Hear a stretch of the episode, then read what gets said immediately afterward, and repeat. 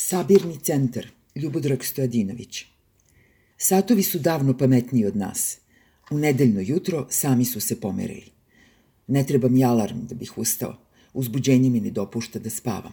Ove mračne zore, daleko od svanuća, odobren je izlazak. Odlazim u noćni život, čak u Mladenovac. Moj cilj je kota 186, na njoj se nalazi shopping mall, ako sam dobro rekao, sa natalnim imenom Roda – Tu će se održati avetni sabor koji nosi ime najslavnijeg srpskog vampira, Save Savanovića sa Kosmaja, vaskrslog u mestu gde je rođen i prvi put, Nemeni kući.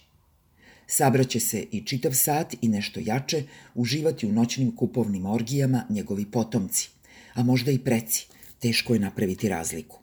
Na putu od Popovića do Mladenovca nema nikoga.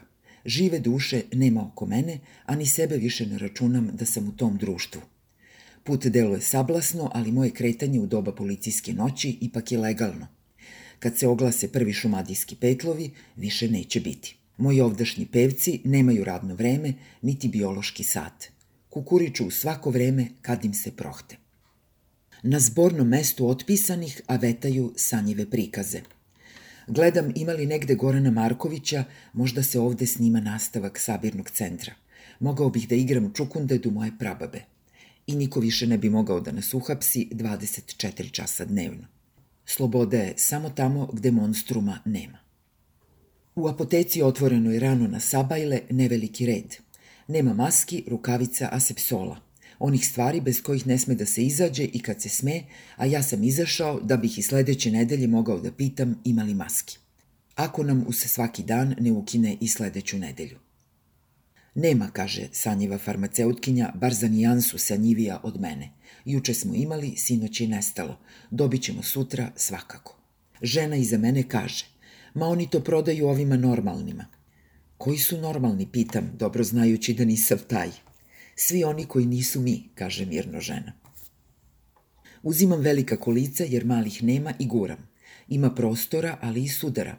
Neki vozači pazarnih vozila već su pogubili reflekse. Prodavačice, ne videh prodavca, su ljubazne i pomažu kupcima koji su zalutali među policama. Jedna žena jake građe trpa u svoju korpu na točkovima sve što vidi. Vozi agresivno, uz stalna negodovanja upućena sličnima sebi. A niko nije sličan. Smetaju joj usukani dedica koji polako pakuje svoje omiljene jabuke. Udaljite se dva metra od mene, štekće ona. Da nisam u radnji, ne bih ti se primakao ni na kilometar, odgovara mirno deda. More, pogledaj se samo kakav si, ne odustaje ona, ni pajalicom te ne bih dotakla. Sjaši, gadna babo, kaže on, ja sam za tebe Belmonda. Udaljavam se sa lica mesta, slabo volim da svedočim kod staračkih tuča. Jedan me pita, znaš li ima li ovde sveže ribe? Rekao da ne znam, ali mislim da nema. Kako ne znaš kakve ribe ima, uporan je on. Samo smrznuta, tamo gde su smrznute stvari, objašnjava mu jedan nesrećnik.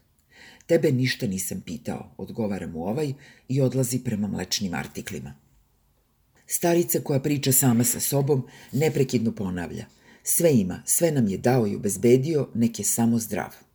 I ja bih voleo da je zdrav, ali nije, kaže osedeli brka koji pazari u plavoj majici sa kratkim rukavima na kojoj je stilizovanim crvenim slovima ispisano Rock Forever – No, babče, vidim da i ti nisi sasvim sama. Zajebite politiku, ne skrnavite ovaj prostor, pokušava da ih učutka starac otmenih crta lica koji polako bira svoje artikle. Niko više nije zdrav, a svi smo sami. Šta, da nisi ti bio neki profesor, pita ga Rock Forever. Jok ja, nego sam bio moler, a i sad sam. Tražim bilo kakve mlečne čokolade, ali ne umem da nađem. Simpatično i ljubazno devojče me odvodi do Milke. Evo ovde su reče odakle li joj samo ovaj osmeh u pola pet ujutru. Igra slučaja ili ko zna šta dovodi u isti red pred kasom Čičicu koji je sebe prozvao Belmonda i voluminoznu užurbanu konfliktnu ženu. Po njenoj oceni on se kreće presporo. Ajde, deko, ajde, udalji se malo napred, ajde brže malo, čekaju ljudi. Kakav deka, jebote deka, odgovara on smireno.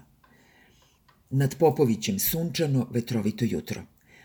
Mačka Cana, koja je neovlašćeno zaposela moj prostor, leži na terasi, ali nije sama. Pored nje suvereno i ležerno drema golemi žuti mačor koga vidim prvi put. Šta ćeš ti ovde, pitam, nemajući bolju ideju šta da kažem zverki. Žuća me gleda nemarno i odmahuje repom.